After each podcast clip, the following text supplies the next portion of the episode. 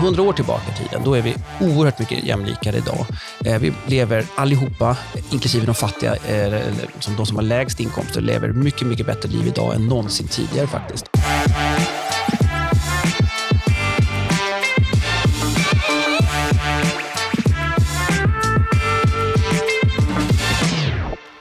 Du lyssnar på Ekonomerna med mig, John Norell och idag har jag med mig Daniel Waldenström. Välkommen hit. Tack så mycket.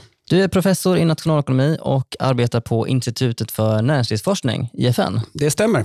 Och mycket av din forskning handlar om ojämlikhet.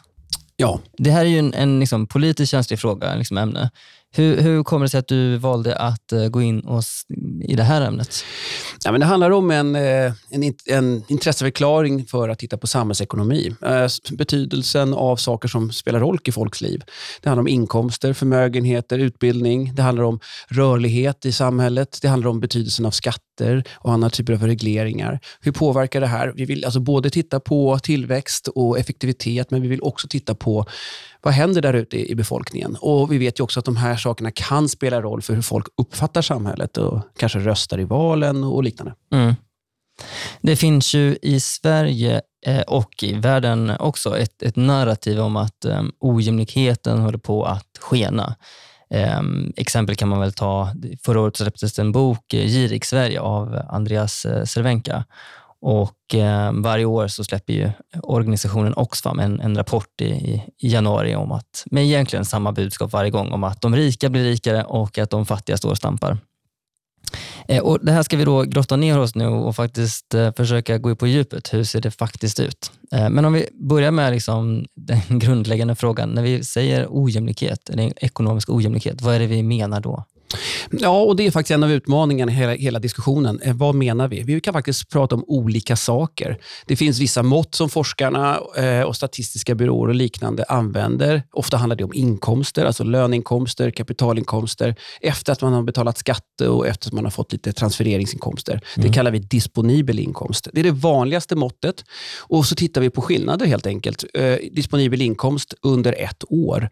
Eh, men ojämlikhet är naturligtvis mycket bredare än så. Det kan handla om eh, förmögenhetsägande, det kan handla om skillnader i utbildning och eh, det kan handla om föräldrar och familjebakgrundens betydelse och liknande. Och De här skillnaderna gör att man ibland kan prata om eh, liksom samma sak fast ändå landa i lite olika beskrivningar. Och det, det, det, är en utmaning och jag som forskare kan försöka vägleda, men många gånger väljer folk ändå som de vill och kanske lite utifrån politik.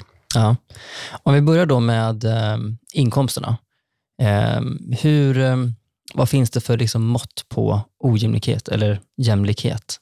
Ja, eh, jag menar, man pratar ibland om Gini-koefficienten. Mm. Det kanske folk har hört talas Den om. Har man, precis, de flesta har nog hört det. Mm. Ja, men precis. Gini, det var, det var en person som hette Gini, Corrado Gini, en, en italiensk statistiker. Och han hittade ett mått på, att, eh, på då spridningar i en fördelning, kan man säga. Mm. Och ett enda mått att fånga in en så komplex sak som ojämlikhet, det är jättesvårt, stor utmaning. Men å andra sidan, vi människor vi vill ju ha enkla mått och, och enkla förståelser. Det vill, för, mm. det vill vi. Och det, och det här måttet fångar in det och det fångar in det faktiskt på ett rätt så bra sätt. Så, så pass bra att väldigt många som har räknat på de här måtten, det är, och har de ändå liksom kommit tillbaka till det här Gini-måttet som faktiskt ett, ett sätt att mäta fördelningen i, ett, i en dimension som funkar rätt så bra och det är därför det finns kvar. Precis. Det är komplext att eh, förenkla någonting som handlar om en hel fördelning i ett enda mått. Men, men det handlar om att man, styrkan handlar om att man kan jämföra över tid och att jämföra mellan länder, eller? Ja, men lite så. Eh, styrkan är när det gäller Gini-måttet att det kan man säga ligger mellan 0 och 1, mm. eller 0 och 100 ser man ibland. Och Det gör också att vi ser liksom någon sorts max, alltså minimal eller nästan ingen ojämlikhet när det är 0.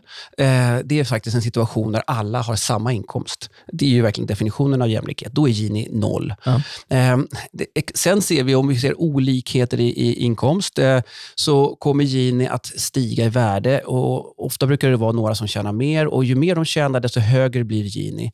Tills det extrema faktumet, eller den extrema situationen när en person tjänar all inkomst, då blir Gini 1. Mm. Och däremellan eh, ligger vi. Och det, Sverige ligger på 0,3 idag. Eh, vi har gått upp kanske från 0,2 historiskt. Eh, USA ligger kanske på 0,4. Chile, Bolivia 0,5 eh, eller liknande. Eh, så det är de hängnen. Och Det här kan vi följa över tid och vi, faktiskt, vi kan också jämföra länder utifrån eh, de data vi har. Det gäller också att inkomster och befolkning kan mm. observeras på liknande sätt. Och Du säger att Sverige ligger på 0,3? Ungefär. Ja, men det finns många sätt att komma upp till 0,3 alltså? Ja. Det finns liksom inte en enda, ett enda Eh, ett enda utfall liksom, som leder fram till den siffran. Ja, men just det, och det, det är också en av utmaningarna. Vi pratar ibland om klyftor, alltså skillnader mellan toppen och botten. Och Vi kan tänka oss en situation eh, där, där toppinkomsttagare och, och botteninkomsttagare får ökade inkomster medan mitten eh, tappar. Eller vi kan tänka oss en situation där toppen och botten är lika, liksom rätt så stabila medan mitten ökar. Mm. Eh, det kan vara så att de eh, situationerna eh, ger samma Gini. Eh, och även samma förändring i Gini. Så att för att riktigt då få koll på hur det ser ut för olika grupper så kan vi vilja använda flera mått. Mm. Och Det kan till exempel handla om de rikastes andel av alla inkomster. Det har synts ibland med toppinkomstandelar. Mm, typ eh, en procent eh, rikaste, hur mycket av hur mycket av inkomsten tjänar de? Mm. Jo, men precis. Och det var ju då, eh, det är ett gammalt mått på ett sätt, men den, den, det populariserades av den fransmannen Thomas Piketty, som skrev, en, alltså, skrev helt plötsligt en bok på 800 sidor om de rikastes eh, inkomstutveckling i Frankrike under lång tid. Och Det har slagit igenom jättemycket. Det, vi pratade om det, till och med Obama pratade om det, ni vet Wall Street, Occupy Wall Street, the, the bottom 99 procent och sådana saker. Mm. Eh, men det fångar å andra sidan också bara upp en liten aspekt av, av fördelningen. Den rikaste gruppen. Ja. Eh, det, på hur det ser ut inom den gruppen kan man också vara intresserad av, eller hur det ser ut i den resten, 99 procent. att, mm. att använda flera mått samtidigt är ofta ganska bra, för att just få, få en bättre förståelse för vad vi egentligen pratar om. Ja. Eh, vi har i den här podden tidigare pratat om fattigdom och att vi i, i Sverige eh, kollar på relativ fattigdom. Och det, det, är inte nödvändigtvis, eller det är inte riktigt ett, ett mått på fattigdom, eh, utan det är ett mått på ojämlikhet snarare. Ja, det skulle jag säga. Det mäter egentligen avståndet mellan låginkomsttagare och medelinkomsttagare. Mm. Eh, och Det är intressant på många sätt. Eh, den absoluta fattigdomen som man ibland pratar om, det handlar om, har du inkomster tillräckligt för att kunna konsumera basvaror, bastjänster i samhället. Och Då kan vi kanske lättare jämföra idag när, när folk har varma uppvärmda hus, de har eh, fin infrastruktur, allting funkar, de har välfärdstjänster, de har eh, bra kläder. Men till, till skillnad från då för 50 eller 100 år sedan när mycket av sånt var mycket sämre ställt. Och då behöver vi de här nivåmåtten på fattigdom som kanske fångar in välståndsutvecklingen mycket bättre. Mm. Okej, okay, så det finns lite olika mått. Ehm, om vi nu tittar tillbaka i Sverige då, utvecklingen i Sverige vad gäller ojämlikheten. Vad, vad, vad, berättar de här måtten för historia? Vad berättar forskningen om hur den ojämlikheten har förändrats? Jo, men den berättar ungefär som så att Sverige idag är ett väldigt jämlikt land när vi tittar på inkomster och, och, och eh, de flesta andra faktiskt ekonomiska utfallen. Eh, särskilt om vi tittar långt tillbaka i tiden, hundra år tillbaka i tiden. Då är vi oerhört mycket jämlikare idag. Eh, vi lever allihopa, inklusive de fattiga, eh, som liksom de som har lägst inkomster, lever mycket, mycket bättre liv idag än någonsin tidigare faktiskt. Och Det är tack vare den, den totala inkomstutvecklingen eller tillväxten. Eh, sen har det kan vi säga, den utjämningen som skedde under 1900-talet kan man säga, avstannade på 70 och 80-talen. Eh, och kanske framför allt helt enkelt därför att eh, skillnader som har att göra med att vissa jobbar längre dagar, vissa är arbetslösa, eh, vissa pluggar, vissa är pensionärer. De skillnaderna kommer liksom alltid att finnas i, i en vanlig ekonomi. Mm. Eh, och De blev som lägst kring i början på 80-talet. Och Därefter så ändrade vi politik som gjorde att eh, drivkrafter öppnades, eh, morötter då ute i samhället och vi ökade så att säga på något sätt viljan hos folk att kämpa hårdare och plugga bättre. Och Det ökade också inkomstskillnaderna. Så att med, eh, fram till någon gång, säg början på eh, 2000-talet, slutet på 00-talet om man säger. Därefter har det legat ganska stilla. Mm. Eh, de sista tio åren, eh, rem remarkabelt stilla kan man säga, mot bakgrund av eh, invandringsvågor och liknande. Ja, det så det spelar, alltså, mm. det spelar alltså helt enkelt lite roll vilka tidsperioder man väljer för att liksom dra slutsatser kring hur utvecklingen ser ut. Ja, så, de, så sen 2010 så har det inte hänt så mycket? De, I många fall så brukar man använda 1980 kanske som, som startår. Liksom. Och se på utvecklingen. Alltså, Men... Det har blivit så, eh, delvis för att en, det var liksom en period när många databaser över ah. människors inkomster byggdes upp. Eh, och, då, och Då blir det som att 1980 blir någon sorts basår, vilket eh, ja, det är alltid bra med data, så att säga. Men, men att ha den som referenspunkt är problematiskt också, för det var ett extremt år på väldigt många sätt. Vi var i en djup strukturkris. Ekonomierna i väst funkade urdåligt. Eh, produktion flyttade utomlands för att eh, lönerna var för höga. Vi var inte bra på det vi gjorde. Vi hade eh, mm. väldigt ska man säga, repressiva skatter som gjorde att folk eh, struntade i att jobba för att det var inte lönt helt enkelt. Och den, den referenspunkten då ska vi ha i åtanke då när vi pratar om att vi har sken, om vi pratar om ökande inkomstskillnader. Jo, men vi kanske inte ville vara där. Det var ingen bra referenspunkt. Eh, men, men, men i vilket fall. Och Sen har det så att säga byggts på i data eh, sedan dess och vi får bättre och bättre data. Men, mm. men återigen, det, det beror liksom på. Man tittar på andra utfall, kriminalitetens utveckling, då, då pratar vi ofta om de senaste två till fyra åren eller, menar, ja. eller liknande. Andra typer av utvecklingsförändringar, liksom skolresultat och liknande, pratar vi 2010-talet. Eh, det kan vi också göra när det gäller inkomstskillnader och då, då får vi den här mycket stabilare in, eh, bilden än vad många pratar om. Mm. Så att om man, om man tänker tiden innan, säg 1960-talet, då, hur har liksom ojämlikheten förändrats sedan dess? Då, om vi har det som referenspunkt. Liksom.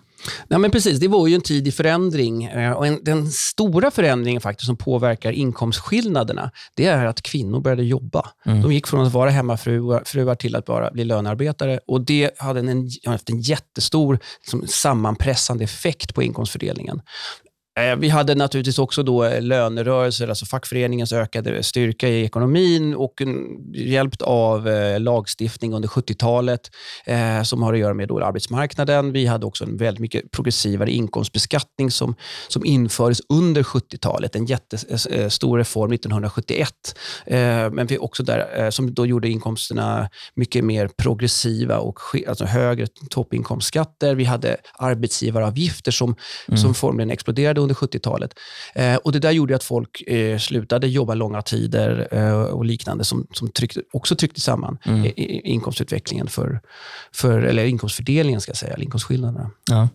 Men eh, ja, det är så, att, så att idag ligger vi väl ungefär på den, period, den kanske nivån vi låg i på 60-talet, skulle jag säga. Ja. Vi har liksom gått tillbaka till den nivån. Men då kanske på en annan mått, för vi är ett annat samhälle på många andra sätt. Absolut. Om vi tittar ut i resten av världen, då. Hur, ehm, Eh, hur ser Sverige ut eh, vad gäller ojämlikhet? Jo, men alltså vi är ett jämlikt land. Det tror jag alla ser när de tittar runt omkring. Alltså vi, vi har ju bra liv. Eh, visst, det är tuffare för vissa av olika skäl. Eh, men eh, menar, vi har eh, välfärdsutveckling när det gäller skola, vård och omsorg som alla har del, del i. Vi har vägar, infrastruktur som funkar och vi har faktiskt inkomster som är så pass jämnt eh, fördelade så att även de som är arbetslösa och långtidssjuka eh, har faktiskt eh, bra inkomster i förhållande till, till den arbetande befolkningen. Och där ligger vi i, så att säga, på, i den jämnaste eh, inkomstfördelningsgruppen i hela världen. Mm. Det, och det kan vi prata löneskillnader, vi kan prata disponibel inkomstskillnader. Och det, så att Sverige är ett, ett, ett, av världens absolut jämlikaste länder när det gäller ekonomi. Fortfarande, för att det, bilden är ju att vi har varit det, men att eh, Eh, Eh, nu har det gått åt skogen. Ehm, enligt i alla fall Aftonbladets ledarsida kan man säga. Ja, no, alltså precis. Jag tycker det är att överdriva att prata om gått åt skogen. Utan det handlar ju om att vi kanske hade världens absolut jämnaste inkomstfördelning eh, säg, på 1980-talet. Och idag har vi inte det längre. Eh, men om man tittar då på de länderna som har något jämnare inkomstfördelning än Sverige idag. En del av dem är faktiskt gamla öster, österländer, östeuropeiska länder. Eh, och Där vet vi inte riktigt vad, vad som, liksom, vilken sorts marknadsekonomi som de har. Varför?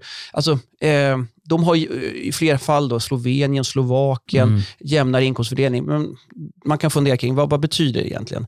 Men när vi jämför med andra länder som Sverige, eller som Norge, Danmark, Finland eller Nederländerna, eh, Eh, där är vi i samma grupp, så att säga. Där är det väldigt små skillnader. Och Det, och de, de, och det, det beror ju på att vi har ungefär samma sorts välfärdspolitik eh, i de, som vi har som i de länderna. Så vi är ändå fortfarande ett av de absolut mest jämlika länderna i världen? Ja, men alltså det, det är otvetydigt så. Då här kan vi ju kanske du, som du och jag ska fortsätta, fortsätta prata lite om, men det är inte bara då spridningen av ett års inkomster, utan här kan vi titta på eh, möjligheten att eh, öka inkomsten över livscykeln eller familjebakgrundens betydelse eh, när det gäller till exempel hur mycket viktiga föräldrars bak, bakgrund eller inkomst är för att du ska få en bra inkomst. Eller möjligheten att eh, få en gymnasieexamen. Här, här ligger vi i världstopp. Och det är helt enkelt eh, hur alla de här måtten måste beaktas och, och där faller Sverige eh, väldigt väl ut, skulle jag säga, eh, nästan hur man än räknar. Du var inne alldeles nyss på att, att det är svårt att jämföra olika länder för att vi, vi, har, så, vi har olika system. Liksom. Eh, på vilket sätt gör det att Gini-koefficienten liksom kanske är eh, missvisande? Alltså den vanliga Gini-koefficienten är den, den som ofta då kopplat till ett års inkomst eh, bland hushållen i Sverige. ungefär. Eh, man skulle vilja titta på faktiskt flera års inkomst. Eh, det handlar om att när vi blir arbetslösa eller sjuka så kanske vi bara är det under en del av året. Så de, och det, det, ser vi tydligt att när vi gör det, när vi har flera årsinkomster i, som, en, som ett mått på hur folk har det, istället för bara ett enda år, då ser vi att inkomstskillnaderna blir väldigt mycket mindre. Den största effekten är just att låginkomsttagare ett år, de är inte låginkomsttagare året efter. Mm. Och Det är en, en, dynamik och en ganska naturlig dynamik. Så det, tycker, och det är faktiskt flera som hävdar att vi borde ha mycket mer av flerårsmått på inkomst när vi ska titta på, inte minst fattigdom. Mm. Där minskar fattigdomen väldigt tydligt. Faktiskt också toppen, när vi inkluderar till exempel reavinstinkomster, om man har sålt ett hus. Så att Sune och Agda som säljer sitt hus efter 30 år, yes. de blir alltså rikare än många börs eh, under ett år i termer av inkomst. Ja. Men eh, det är bara just det året de sålde den här 30-åriga eh, vinsten då och fick den. Medan eh, året efter är de igen kanske folkpensionärer eller motsvarande. Och Då vill vi ha deras, kanske, vi vill smeta ut den här reavinsten under flera år för att få en, en mer rättvisande bild. Precis, det blir jätteknasigt ifall man, ifall man tittar på, på inkomstfördelningen och hela varje år, de som är rikast är de som just det året råkade vara de som sålde sin bostad.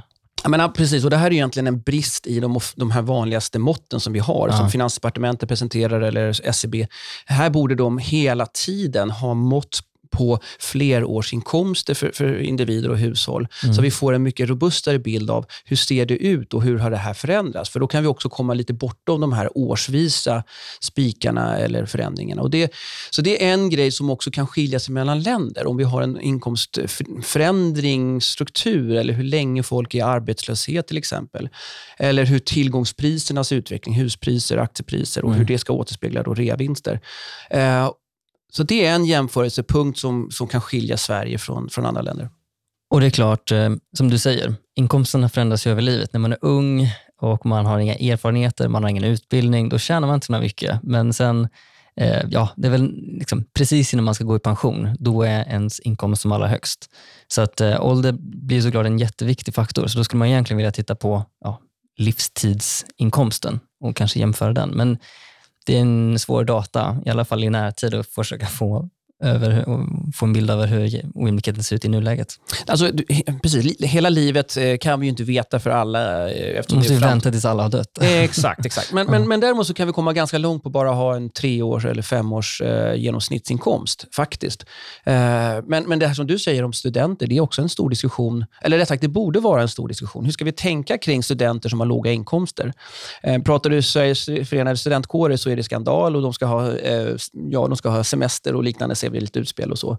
Och Det är klart att de ska ha det bra, men, men, eh, men det är också så en period i livet när du har låg inkomst för att eh, du pluggar helt enkelt. Du jobbar inte på en marknad. Du investerar i ditt humankapital. Exakt. Och eh, samhället investerar dessutom. Samhället sponsrar väldigt mycket av de här studierna. Och Det, det ska vi också ta, prata om och det är viktigt att ta hänsyn mm. till. Men du har ju också en annan konsumtionssituation liksom, där du kanske kan hitta billiga varor.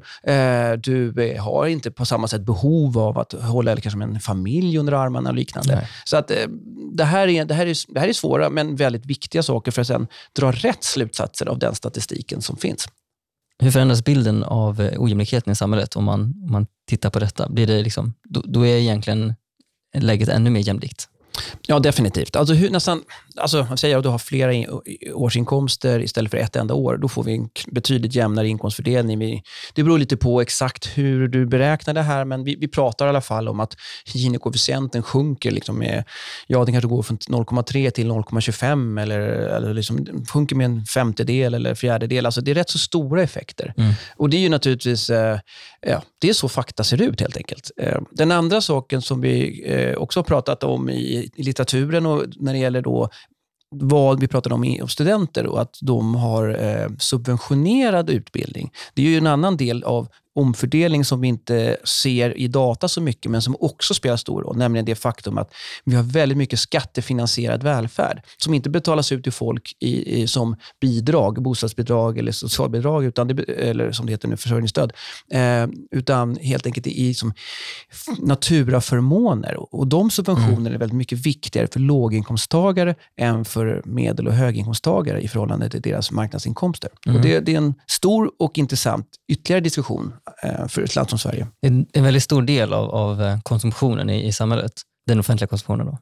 Ja, alltså vi pratar, vi pratar alltså kanske, den här är kanske tusen miljarder per år som, som offentliga sektor lägger ut på att subventionera vård, skola och omsorg. Mm. Det är ju riktiga skattepengar som går in i det. Och eh, Hur förändras då bilden av ojämlikheten om man hur gör man för att ta med liksom, den offentliga konsumtionen? Liksom, Nej, men precis. mått? Nej, men precis. Och det här är inte lätt. Det här är faktiskt sånt som forskare tittar på. Det pågår forskning just nu, faktiskt, och inte minst på Sverige.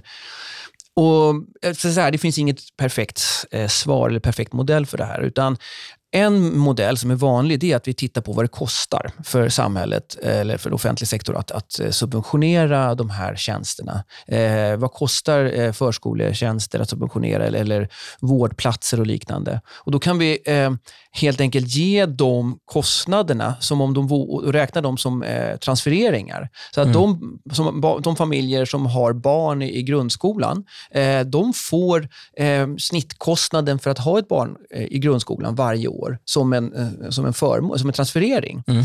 Eh, och Den kan vi lägga till de övriga transfereringsinkomsterna eller, eh, och, och löneinkomster och liknande.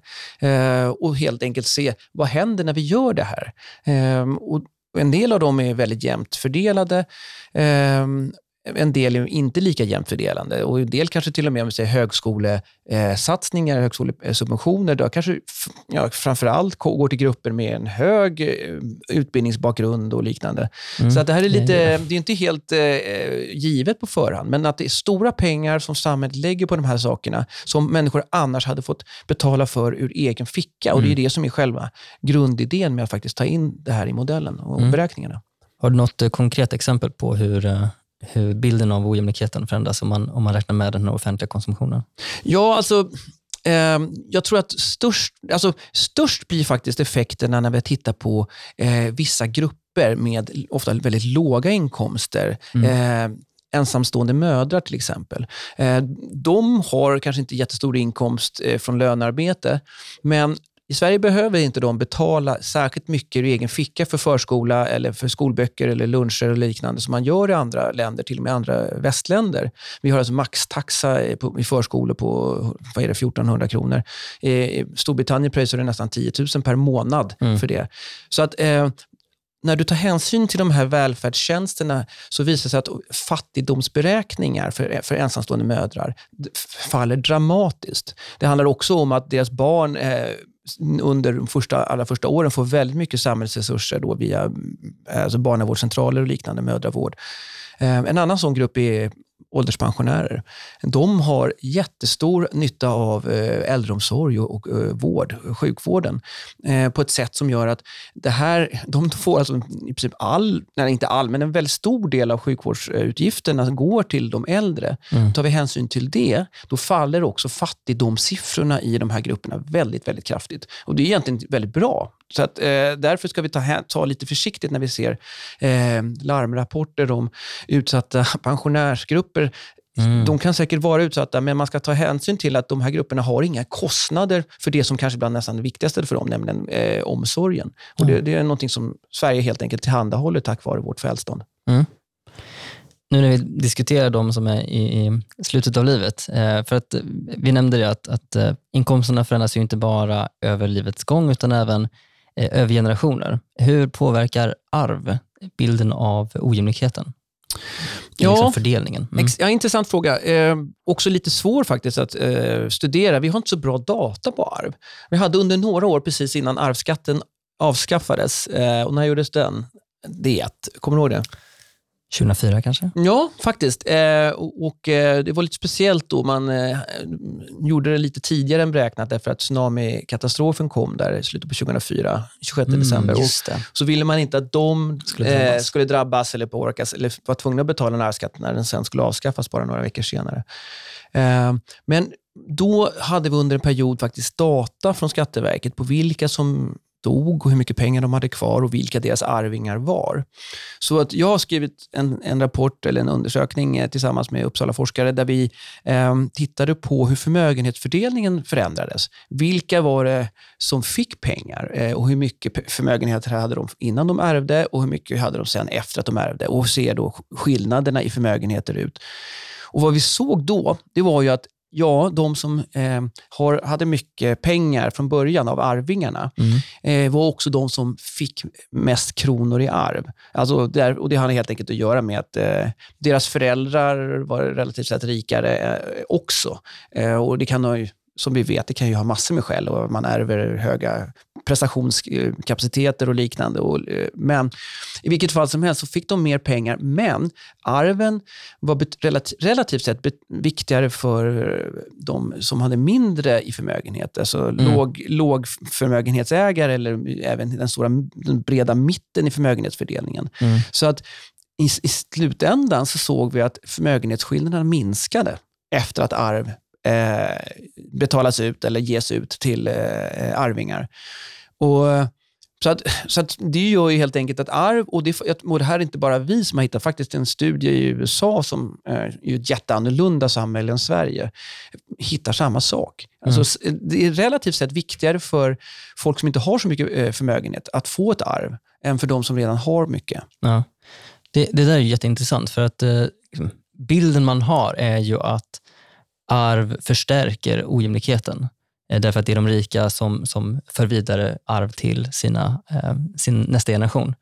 Men det är jätteintressant att, att höra att eh, det är mer utjämnande. Att eh, från en generation till nästa så är det inte perfekt liksom, korrelation vilka det är som, som tjänar mycket. Liksom.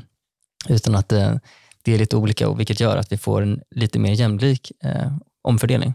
Ja, men alltså precis. Och sen, sen, ska man ju komma ihåg att det här är ju, som all jämlikhetsanalys och diskussion, det här är ju liksom flera aspekter. Och det, till exempel pratar vi ibland om liksom dynastibildningar mm. i, i, den översta ekonomiska eliten. Om vi tänker oss att vi vill ha ett dynamiskt näringsliv och har väldigt, väldigt mycket ska man säga, eh, arvsöverföringar inom familjeföretag, eh, så är det klart att det där gör ju att eh, vi får ledningar som kanske inte har skapat sin egen förmögenhet, eh, utan den har ärvt den. Är det ett problem? Uh, och det, det, skulle inte jag säga att det är ett jätteproblem. Det finns ju problematiska aspekter om det nu är så att arvingar är sämre på att styra företagen. Mm. Så det är klart att samhället gynnas inte av det. Å andra sidan så, så kan det vara så att grundarna har haft som en viktig morot att faktiskt ge sina företag till, mm. till eh, barn och Det i sig kan ju ha skapat en bättre tillväxt i de här företagen och i ekonomin som helhet. Och sen, men sen överlag naturligtvis så är det viktigt att vi hela tiden jobbar med att ha öppna ingångar i företagsamhet så att de får konkurrens underifrån. Och Det har vi faktiskt sett i Sverige eh, faktiskt på senare år, att vi, vi, har fått en mycket högre andel liksom self-made när det gäller egenföretagare bland de allra rikaste. Och Det visar ju att den här dynamiken behöver finnas och då, då kommer inte då skad, liksom, eventuella problemen med eh, arv i toppen och dynastibildningar vara särskilt stort. Ja. Om man förbjuder arv så blir troligtvis effekten att det kommer inte skapas några förmögenheter. Alternativt att de flyttar utomlands helt enkelt. Ja, som du förbjuder arv. Eh, alltså det här är ganska intressant. En, en, känd, en av de kändaste svenska ekonomerna genom alla tider, Knut Wicksell. Eh, han eh, levde för hundra år sedan. En väldigt häftig person. Han hamnade bland annat i fängelse för att han av för hädelse. Oj, ja, ja. det visste jag inte. men eh, men han, en världsberömd ekonom som eh, hävdade stint att vi borde ha 100% arvsskatt. Alltså helt enkelt att vi borde förbjuda överföringar. Och det, han tyckte det? Han tyckte det. Ah. Och det handlade om att en, han ville ha en liberal, eh, eh, en liberal ekonomi med samma möjligheter för varenda ny generation. Och Den typen av jämlikhet i förutsättningar är ju också en viktig aspekt av eh, ojämlikhetsforskningen. Att vi hela tiden ska skapa eh, ja, förutsättningar som är schyssta. Och det är, det är någonting som politiken förhoppningsvis kan titta på när det gäller utbildning, även skatter och sådär. Och när det gäller just arv eh, kan man fundera om en arvsskatt är det bästa sättet att, att komma dit hän. Det är inte alls säkert att det är så. Eh, men, men, idéerna om de här sakerna har i alla fall funnits ganska länge. Mm. En annan aspekt av ekonomisk ojämlikhet eh, är att, eh, som vissa nämner, är att titta på löneandelen som andel av de totala inkomsterna eh, liksom i relation till kapitalet, hur mycket kapitalet tjänar. Vad får man för bild av den här typen av analys? Ja, alltså man får en väldigt grov bild till att börja med. Här, här går vi tillbaka till ett perspektiv där två klasser i samhället. De som jobbar och de som äger kapital, alltså löntagare och kapitalägare. Eh, och Den analysen är inte helt ointressant naturligtvis. Eh, många ekonomiska modeller kan vi säga pratar om eh, produktion eller BNP som en funktion av just, just arbete och kapital som insatsvaror eller insatsfaktorer. Men naturligtvis är det en jättegrov förenkling, eller grov bild av, av ekonomin. de flesta kapitalägarna har inte kanske så jättehöga inkomster. Eh, framförallt har de lägre inkomster än många löntagare. Många löntagare äger också kapital själva. Mm. Eh, det är både fonder och pensionstillgångar och liknande. Det är det ena. Så att säga. Och, det, eller, och det gör ju att eh, den, det måttet, som vi säger, löneandelen, alltså andelen av BNP som går till löntagare, det är ett väldigt grovt mått på ojämlikhet. Eh, men okej, okay, vi kan titta på det. Det diskuteras en del. Det diskuteras inte minst just nu faktiskt när det gäller automatisering och digitalisering. Kommer mm. robotar ta över? Kommer liksom arbetarna tappa? Och vissa anser att det är så. Eh, men jag ska säga så här, om man tittar på data från länders eh, nationalräkenskaper, som är då de här, som samlar information om inkomsterna, så ser vi att löneandelen, alltså arbetskraftskostnaden, har inte fallit särskilt mycket i något enda land, i alla fall de rika länderna, eh, OECD-länderna. Och då pratar vi ända sedan 60-talet, utan det har alltså legat ungefär kring samma nivå. Ja. Det gäller Sverige, det gäller i princip alla andra länder. De nivåerna skiljer sig åt och det har fluktuerat under perioder. Men Sverige låg på 80 procent om vi tänker eh, nettonationalprodukten, alltså utan att ha då kapitalförslitningen i inkomstbegreppet. Mm. Och idag ligger vi också kring 80 procent, alltså 60 år senare. Och mm. Det gäller alltså som de flesta länderna. Intressant. Kan, kan du nämna lite kort, du nämnde kapitalförslitning. Var, var, varför ska man räkna med det? Eller hur påverkar det liksom analysen? Ja, men precis. Och det, är en, det, är en, det är en te teknikalitet på ett sätt, men den är faktiskt kvantitativt sett betydelsefull. Jo, det är så att bruttonationalprodukten, BNP, det innehåller, bruttot i det, är att vi har kostnader i ekonomin för att eh, kapitalstocken föråldras och rostar ihop. Eh, vi, vi, har alltså behov av att göra avskrivningar, vilket då man gör i företag. Det görs ju även när vi ska byta ut våra badrum, mm. så ser vi att eh, toalettstolen vi köpte för 20 år sedan är inte så mycket värd idag. Eh, och Det gör att den typen av avskrivningar eh, är någonting som kapitalägarna inte kan eh, använda sig av för att konsumera eh, eller, eller, investera. Utan det är inte deras pengar. Det är bara liksom, eh, pengar eller medel som behövs för att, för att bibehålla kapitalstocken oförändrad. Så att, för att om, vi inte, om vi tar bort den delen av kapitalintäkterna, mm. eh, då, då pratar vi om netto eh, nationalprodukten istället. Och och Det är det som är den intressanta kan vi säga, inkomstfördelningen. För Det är det, de inkomsterna som kapitalägare och löntagare. Ja. Och Det är där vi ser eh, eh, den här stabiliteten. Brutto, eh, det vill säga när vi tar med rostandet och föråldrandet, då ser vi att eh, att kapitalinkomsternas andel har ökat något och anledningen är att eh, teknologiska förändringen, eller kapitalförslitningen, ah, har faktiskt ökat över tid. Det går snabbare idag ja. än vad det gjorde för 20, 30 år sedan, 40 år sedan. Det har alltså fördubblats i Sverige. Ja. Från ungefär 10% av BNP till nästan 20% av BNP.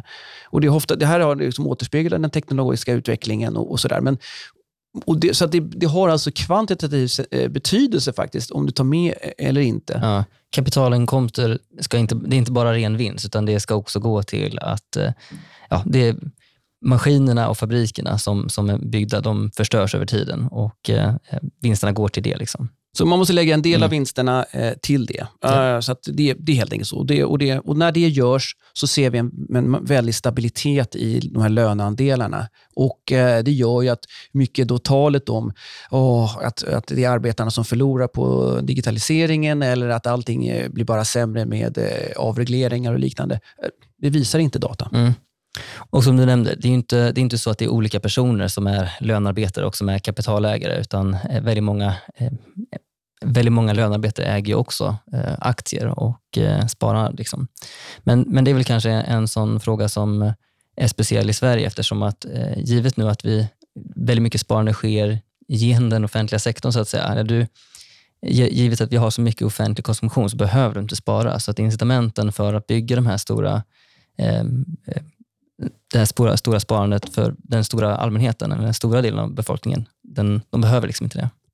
Ja, men det stämmer. Och Det där är faktiskt någonting som kanske, kanske allra störst eh, synlighet när vi jämför förmögenheter. Mm. Om vi går in på det då. Mm. Hur, hur, ser det ut där då med ojämlikhet? Ja, men till att börja med så är förmögenheter mer ojämlika eller har större skillnader än vad inkomster har. Mm. Eh, vi har alltså nästan alla i ekonomin har en inkomst. Eh, du kan vara löntagare, men du kan också vara arbetslös eller långtidssjukskriven. Du får en inkomst ändå, eller pensionär. Eh, I, när det gäller förmögenheter så kan det vara så att ganska många har ingen förmögenhet. Eh, Medan en mindre grupp har och då blir då skillnaderna desto större. Mm.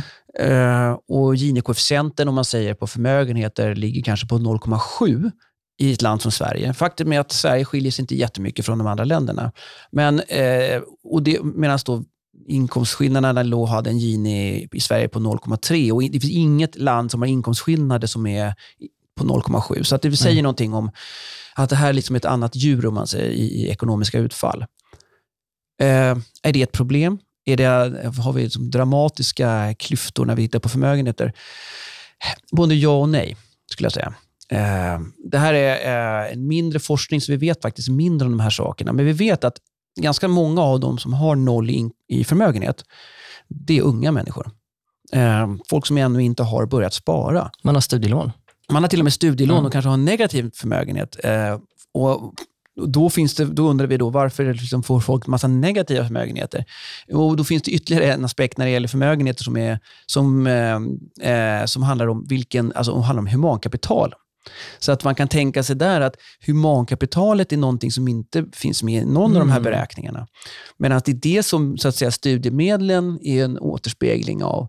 Eh, och den Eh, mm. Det kapitalet, eh, det är faktiskt någonting jag forskar om just nu. Jag kommer gärna tillbaka och prata om det. Men eh, Det handlar helt enkelt om att folk kan mer idag kanske än vi kunde för massor med år sedan. Och Det gäller också globalt, att det har en stor betydelse. Så mm. att när vi tittar på de finansiella förmögenheterna, då har vi en situation där unga har inte så mycket. Många löntagare har inte så mycket eget sparande. Särskilt, jag menar, Sverige och många andra länder i, i Europa, vi har, ju ganska, vi har en situation där vi har höga skatter. Vi har också eh, välfärdsstater som tar hand om oss när vi blir sjuka eller pensionärer. Så vi har, har, behöver liksom inte bygga upp de här privata förmögenheterna i samma utsträckning. Eh, men det betyder inte att de inte finns. Vi kan faktiskt tänka oss att vi omvandlar pensionsinkomsterna som vi vet att vi kommer att få i en, som en, till en förmögenhetsklump. Eh, och, och, det, och det utjämnar faktiskt eh, förmögenhetsfördelningen väldigt mycket. Men det gör, också, men det gör mm. samtidigt att många bryr sig inte om att spara privat, för de behöver inte det. Nej. och de kan inte det när vi har höga inkomstskatter förstås. En del av eh, liksom, avkastning och kapital är ju att man har tagit massor med risker. Eh, när jag är lönarbetare så behöver jag inte, jag tar liksom ingen risk, eh, utan jag får, jag får min, jag får min liksom lönekuvert var, varje månad.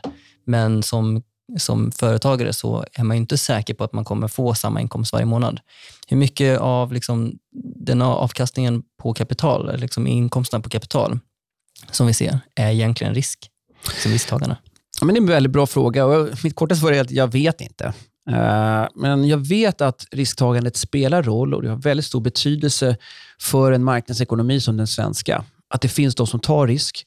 Och Det gör också att de som lyckas är, grupper som eh, ofta, är ofta då när det gäller privat företagande har tagit risker eh, och Det betyder att det är någonting som har liksom ett lyckosamt företagande som ska premieras.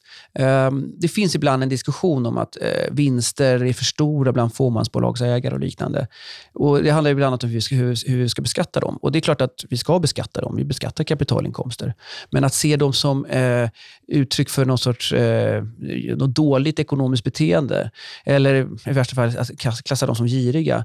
Mm. Um, det, det, då har man liksom glömt hela den här produktiva aspekten av att ta risker. Att skapa saker och ting och anställa folk och bidra till ekonomin. Um, men det här är någonting vi vill veta mer om, skulle jag säga, rent forskningsmässigt. Mm. Vad, vilken betydelse har risktagande? Uh, och I vilka miljöer, vilken politik kan uppmuntra det samtidigt som uh, vi också då naturligtvis vill att om det går dåligt ska du kunna då får du väl hantera det. Om du inte, idag har vi lite då till exempel när till exempel elpriser eh, går upp. Då kanske företag som har tagit risker hamnar, på, hamnar dåligt. så att säga. Då kommer, kan vi diskutera, behöver vi använda skattepengar för att stödja dem? Eller är det en del i att ta en risk och faktiskt eh, hamna fel ute? Det är en stor diskussion kring det här, men, men eh, risktagandet behövs och det ska gärna premieras eh, i den mån det, det funkar. Liksom. Mm. Men den här bilden av att vi har en skenande ojämlikhet i Sverige, är det en myt? Ja, skenande ojämlikhet i Sverige, det har vi inte. Så det Nej. skulle jag säga är en myt. Och Nu har vi egentligen bara pratat om liksom utfall, eh, vad för inkomster eller förmögenhet människor har. Eh, men precis som du var inne på nu, jag vet att det var en, en ledarartikel på Aftonbladet som jag tror att den publicerades strax innan valet förra året, 2022, som mer eller mindre, jag tror att rubriken var Sverige har lika hög ojämlikhet som Ryssland. Vilket i kontexten att, så, ehm, att, vi har, att Ryssland bedriver ett krig i Ukraina så blir det en väldigt skev bild. För att, eh, givet att det här är en, inte en demokrati och de har inte en, en fri och öppen marknadsekonomi där Eh, de som tjänar pengar, ja, men det är i hög grad de som, i Sverige då, eh, det är i hög grad människor som faktiskt har satsat och riskerat och eh, tagit initiativ och skapat välstånd.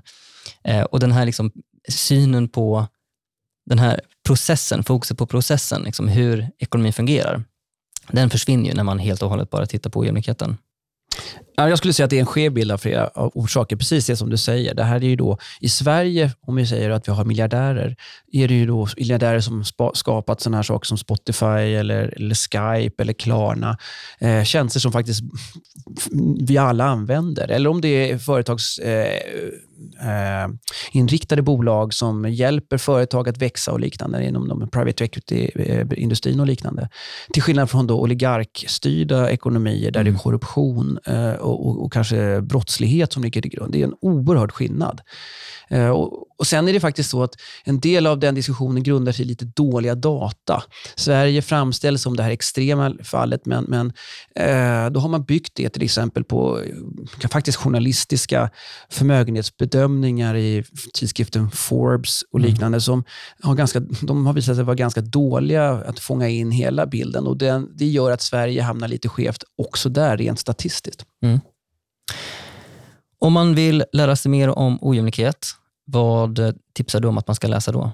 Ja, man kan läsa ekonomisk debatt. Eh, jag och andra har försökt att diskutera de sakerna där. Ehm, mm. Man... Du, har en artikel från förra året som, som med rubriken Perspektiv på den ekonomiska ojämlikheten i Sverige. Den, eh, definitivt tips. Den kan man läsa, mm. den kan man gärna kritisera eh, och, och så fortsätter diskussionen. Mm. Tusen tack Daniel för att du kom hit idag. Tack så mycket. Du har lyssnat på Ekonomerna med mig, John Norell. Om du gillade det här avsnittet, se då till att prenumerera på oss i din poddapp och tipsa om podden för dina vänner och bekanta. Följ oss även på sociala medier. Vi heter Ekonomerna podd på Twitter och Instagram. Ekonomerna det är en podd från Tankesmedjan Timbro och kommer ut varje torsdag. Tack för att du har lyssnat.